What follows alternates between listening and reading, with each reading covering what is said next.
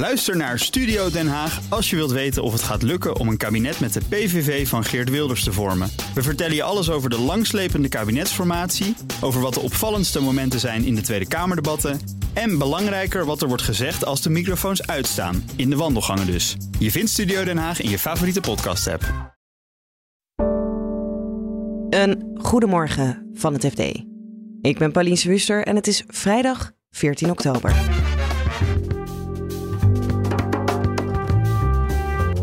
Het kabinet wil banken toestaan om gegevens uit te wisselen in de strijd tegen witwassen. Ondanks kritiek van de Raad van State. Ze zeggen dit schendt de privacy van bankklanten en het kan leiden tot uh, uitsluiting en discriminatie van klanten. Nederland beloofde tijdens de klimaattop in Glasgow te stoppen met het investeren in fossiel maar ze hebben nog geen plan. Zo'n verklaring, dat is natuurlijk heel mooi op dat moment. Je kunt mooie sier maken van kijk, wij gaan het doen. En dan blijkt van ja, er zijn toch allemaal wel haken en ogen aan. En de Chinese president Xi Jinping is al tien jaar aan de macht en nog niet van plan om te stoppen. De, de, de macht is, is vrij centraal komen te liggen uh, bij de partijtop en bij hem in het bijzonder. Dit is de dagkoers van het FD. We beginnen bij de banken. Als het aan het kabinet ligt, dan mogen die dus gegevens van particulieren uit gaan wisselen om witwassen te kunnen bestrijden. Ondanks eerdere kritiek van de Raad van State. Bankredacteur Matthijs Rotteveel beschrijft wat banken dan gaan doen. Nou, ze gaan ze transacties eh, van de verschillende banken naast elkaar leggen, verschillende bankrekeningen naast elkaar. Zodat ze kunnen zien uh, waar witwassers of uh, andere criminelen, hoe die geldstromen lopen die gebruiken meestal niet één bank. Meerdere banken is het verhaal. En pas als je die bankgegevens van verschillende banken, ING, Rabobank, ABN, naast elkaar legt, eh, patronen herkent, dan kun je de criminelen eruit plukken. Want nu lukt het ze niet om de criminelen eruit te plukken. Nu is het heel moeilijk. Nu sturen ze heel veel uh, ongebruikelijke transacties door richting uh, Openbaar Ministerie, de Financial Intelligence Unit. Maar er zit heel veel, uh, zit heel veel ruis bij, er zitten heel veel onterechte uh, meldingen. Dus ze zeggen, ja, op deze manier, als we allemaal individueel werken, is het niet efficiënt. We doen dubbel werk en het levert te weinig op. En het kost ons wel heel veel geld. Heel veel geld. Ongeveer 15.000 mensen werken er nu zeker al bij de banken voor, deze, voor dit opsporen van witwasgeld en mogelijk geld voor terrorisme. Uh, het heeft al 1 à 2 miljard gekost, schatten ze. Nou, dat zal waarschijnlijk meer zijn. En het levert dus niet zoveel op. Nee, en dan hebben we het ook nog niet eens over wat het kost als je wel witwasrisico's doorlaat als bank. Ja, want daar zijn ze natuurlijk heel bang voor. Ze worden op de hielen gezeten door de Nederlandse bank. Die heeft boetes uitgedeeld van honderden miljoenen aan ABN AMRO, aan ING. Bij Rabobank is er een onderzoek bezig. Dus daar hangt misschien ook nog een boete boven het hoofd. Daar zijn ze gewoon bang voor. En daar willen ze, daar willen ze vanaf. Ja, en ze zijn hier al een tijd voor aan het lobbyen. Raad van State heeft hier ook al naar gekeken. Wat vonden die van het plan? Die vonden het een uh, slecht plan eigenlijk. Want ze zeggen: dit schendt de privacy van bankklanten. En het kan leiden tot uh, uitsluiting en discriminatie van klanten. En we hebben in het verleden, heeft FD ook al geschreven hierover. Uh, in het begin van het jaar, toen ging het over ijzerhandelaren, uh, handelaren in tweedehands auto's. En die hadden vaak veel cash. En die werden door een bank verteld van je mag hier geen bankrekening meer aanhouden. Nu kun je dan nog denken van oké, ik mag niet meer bij de Rabobank, ik ga naar ING of andersom. Als dat binnen zo'n instantie gebeurt waarin ze samen alle bankgegevens uitwisselen, dan kan je helemaal nergens meer terecht de angst is dus dat als alle banken die transacties met elkaar gaan combineren, dat ze samen gewoon heel voorzichtig worden om maar te zorgen dat ze niet mogelijk witwasrisico op zich laden. Ja, dan bestaat de kans dat ze elke klant, elke stichting of uh, een goed doel of, of uh, bedrijven in een verkeerde branche uh, zouden kunnen uitsluiten. Nou is de Raad van State een belangrijk adviesorgaan voor het kabinet. Waarom zegt het kabinet dan nu ook al zegt het Raad van State dit kan eigenlijk niet, het gaat te ver, waarom gaan ze het dan toch voorstellen om te doen? De banken zeggen wij ondervangen het gevaar voor uh, privacy omdat we alles uh, pseudonymiseren. Dus uh, de instantie waarmee we die witwaspatronen gaan bekijken, die kan helemaal niet in jouw bankrekening kijken. Dus dat is één ding, want het zijn allemaal pseudo, pseudoniemen. Maar goed, dat je moet maar hopen dat het daar goed gaat. Je moet maar hopen dat die algoritmes die ze gebruiken, dat die inderdaad uh, geen inzicht hebben. Dat mensen die daar werken geen inzicht hebben in alle gegevens op die bankrekeningen. En het is ook zo, het is nu gewoon echt een groot probleem voor de financiële sector. Dus daar zal het kabinet ook naar hebben geluisterd van oké, jullie besteden er zoveel geld aan. En het levert zo weinig op. Dit moet anders. Dus het is misschien niet de allerbeste oplossing, maar het is in ieder geval een oplossing. En als we dit nou doen, dan gaan we eens kijken hoe dat uitpakt. Ja, met mogelijk onze privacy als prijs. Wellicht. Vorig jaar beloofde Nederland op de klimaattop in Glasgow om te stoppen met steun aan de fossiele sector.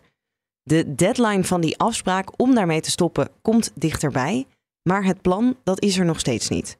Energieredacteur Bert van Dijk legt uit wat Nederland destijds precies heeft toegezegd. Nou ja, ze hebben toen beloofd, uh, samen met een groot aantal andere landen, om eigenlijk te stoppen met het steunen uh, van Nederlandse bedrijven uh, voor het bouwen van fossiele projecten in het buitenland. Dus, en dat gebeurt met name via de exportkredietverzekeraar Atradius. Dat is een, de, nou ja, de kredietverzekeraar van de staat. en die geeft steun aan nou ja, bedrijven als Van Oort, Boskalis, die grote projecten in het buitenland doen. Um, die geven een soort garanties af voor die exportkredieten. En uh, daardoor kunnen die project, projecten worden gedaan. Ja. Alleen het kabinet vindt dat nou, in het kader van klimaatverandering dat soort projecten niet meer met steun van de overheid zouden moeten gebeuren. En in eerste instantie stonden wij hier niet echt voor open als Nederland. Nee, nee zeker niet. Wij, Nederland wilde, uh, had ook niet getekend, wilde volgens mij ook niet tekenen. Dat was tijdens de top, dus uh, tijdens de klimaattop in Glasgow.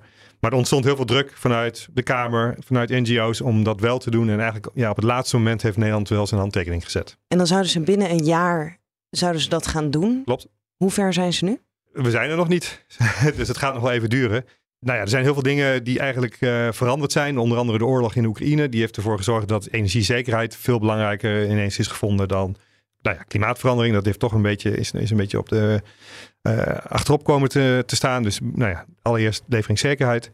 En ja, een bedrijfsleven vindt dat het veel te strikt is en dat er bepaalde uitzonderingen moeten komen. En daar, uh, ja, daar wordt allemaal over onderhandeld. Dus tussen de industrie, tussen de bedrijven, de NGO's en het kabinet. Want eigenlijk zou er volgende maand een brief moeten komen richting de Kamer. Ja, volgens mij wel in, in het najaar. Maar ik geloof ergens in november komt er weer een update van, uh, ja, van, van, de, van de staatssecretaris. Ja, hebben we al een idee wat voor soort uitzonderingen er dan gemaakt worden mogelijk? Ja, die, daar hebben ze al een beetje op gehint. Dus er wordt gedacht aan, nou ja, bepaalde termijnen te verlengen waarop je nog wel projecten zou kunnen doen. Of dat het bestaande projecten waar bedrijven bij betrokken zijn, dat die nog wel kunnen worden afgemaakt of waar je nog wel exportkredieten van kunt krijgen. Je kunt al een beetje verwachten, want een aantal andere landen die hebben al concreet beleid gemaakt op basis van die verklaring. En daarin zitten al dergelijke uitzonderingen. Bijvoorbeeld België en Frankrijk. Uh, die hebben uitzondering gemaakt voor het aanleggen van gascentrales bijvoorbeeld. Omdat, nou ja, dat kan lokaal in ontwikkelingslanden of in Azië. Ja, kan dat die landen helpen om toch schoner te worden richting een volledig duurzaam systeem. Dus daar zijn uitzonderingen voor. Uh, en dus die kunnen wij ook verwachten. En hoe kijken de bedrijven en de milieuclubs uh, daar tegenaan? Nou ja, de milieuclubs willen natuurlijk gewoon strikte handhaving, zou je kunnen zeggen. Die willen gewoon dat Nederland stopt per direct, maar per januari met het geven van steun aan fossiele projecten in het buitenland. Maar ja, de Van Oorts en uh, de Boskades en de SBM, die zeggen ja, dat is toch wel heel strikt. En Van Oort, of uh, SBM bijvoorbeeld, die geeft ook als voorbeeld. Wij verdienen nog heel veel geld met ouderwetse olie en gas, om het zo maar te zeggen. Daar verdienen we geld mee. En dat hebben, geld hebben we wel nodig om in duurzame projecten te steken en in innovatie. En als we daarmee zouden stoppen, wordt het allemaal moeilijker. En als wij stoppen, dan gaat China het wel doen. Voor het klimaat maakt dat niks uit. Het zijn ook de bekende argumenten eigenlijk uh, die telkens weer terugkomen. Dus wordt dan een beetje de conclusie, we hebben het wel beloofd. Dus we gaan het een beetje doen, maar niet echt. Uh, ja, ja daar, komt het uiteindelijk natuurlijk wel op neer. Het is natuurlijk wel. Um, kijk, zo'n verklaring, dat is natuurlijk heel mooi op dat moment. Je kunt mooie sier maken van kijk, wij gaan het doen. En dan uiteindelijk met al dit soort verklaringen, daarna gaat het gewoon van ja, hoe gaan we dit doen? En dan blijkt van ja, er zijn toch allemaal wel haken en ogen aan. En het zijn ook aan beide kanten zijn er wel valide argumenten om eraan te gaan sleutelen. Dus dat duurt, dat duurt. En het zal ook zeker niet per januari ingaan, verwacht ik. Er wordt nog wel verder over gepraat. En er zal uiteindelijk toch wel weer iets van een compromis uitkomen, denk ik. En tot slot gaan we naar het congres van de Chinese Communistische Partij. Dat begint zondag. En daar krijgt Xi Jinping vrijwel zeker een derde termijn als president. Correspondent Anouk Eigeraam vertelt hoe de Chinese economie zich onder zijn leiding heeft ontwikkeld. Een van zijn uh, belangrijkste doelen was het, het, het, heffen van iedereen uit de armoede. Dat is uh, ook gelukt, verklaarden ze vorig jaar al. Dat wil niet zeggen dat er geen mensen meer zijn eigenlijk die arm zijn, want er zijn nog steeds 220 miljoen mensen die leven van pak een beet 70 dollar per maand. Maar goed, het, op zichzelf is dat natuurlijk een prestatie. Wat hij verder heeft gedaan voor de economie is probeert de lucht te kloppen een beetje uit de huizen- en de vastgoedmarkt. Hij heeft ook heel erg ingezet op uh, zelfvoorzienendheid. Hè? Dus van China moet natuurlijk uh, steeds minder afhankelijk worden van het buitenland. Dat is het idee. Uh, zodat het in 2049 nou helemaal misschien niet meer afhankelijk is van, voor de productie. Dus in 2025 moet het dan voor 70% al alles, alle belangrijke dingen zelf maken. Maar dat, dat lukt nog niet zo goed. En zou je zeggen dat de economie er nu goed voor staat in China? de economie stond er hè, door de epidemie uiteraard niet zo goed voor. Toen is de economie teruggeveerd vrij snel toen de, hè, de eerste uitbraak hier uh, vlug onder controle was. Maar daarna ging China toch door met dat zero-covid-beleid. En dat heeft natuurlijk afgelopen jaar enorm erin gehakt wel, uh, waardoor hele toeleveringsketens en zo uh, verstopt raakten. ja, grote steden als Shanghai in lockdown zaten een paar maanden, wat geleid heeft tot allerlei opstoppingen. Uh, en de afgelopen twee kwartalen was de groei dus heel, heel slecht. Vorig kwartaal was die zelfs 0,4 en sommige mensen zeggen dat er zelfs sprake was van krimp. Volgende week gaan als goed is derde kwartaalcijfers komen, dus ik ben heel benieuwd hoe die eruit gaan zien. En als we kijken naar de machtspositie van uh, China in de afgelopen tien jaar, hoe is dat veranderd onder Xi?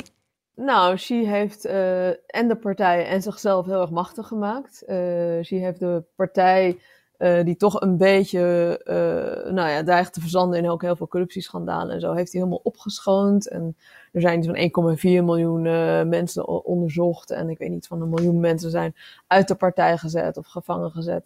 Ook allerlei hoge, echt hote methoden. Dus denk aan ex-ministers en ex-vicepremiers.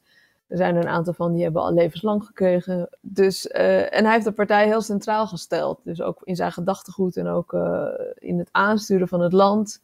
En hij heeft zichzelf ook heel machtig gemaakt door uh, de vorige keer al bij het vorige partijcongres de limiet op twee termijnen van het presidentschap af te schaffen.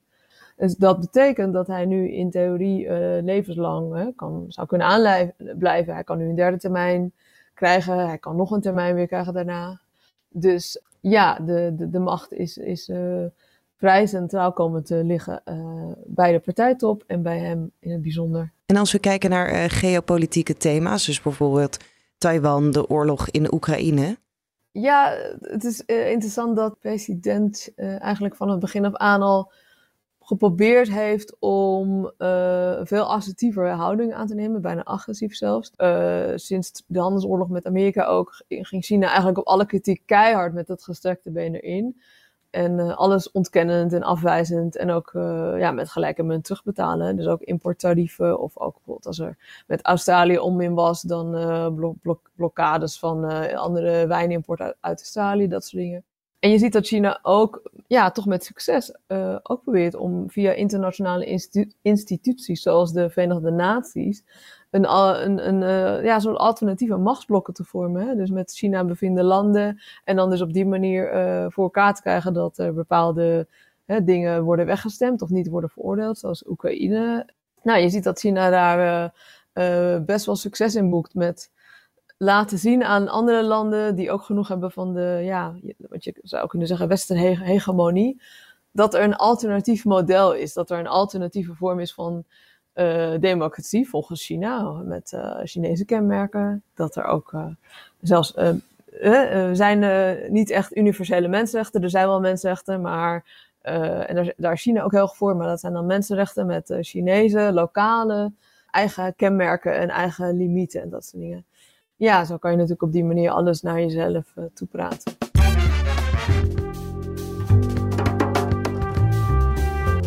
Dit was de dagkoers van het FD. We zijn er elke werkdag, dus maandagochtend staat er weer een nieuwe aflevering van Dagkoers in je favoriete podcast app. En in deze feed vind je morgen ook een aflevering die ik heb gemaakt van onze weekendpodcast De Week Voorbij. Dus alvast een heel fijn weekend en graag tot morgen of tot maandag. Ook Hugo Reitsma vind je in de BNR-app. Superhandig die BNR-app. Je kunt alle programma's live luisteren, breaking nieuwsmeldingen. Je blijft op de hoogte van het laatste zakelijke nieuws. En je vindt er alle BNR-podcasts, waaronder natuurlijk de belangrijkste, Boeken zijn in de wijk. Download nu de gratis BNR-app en blijf scherp.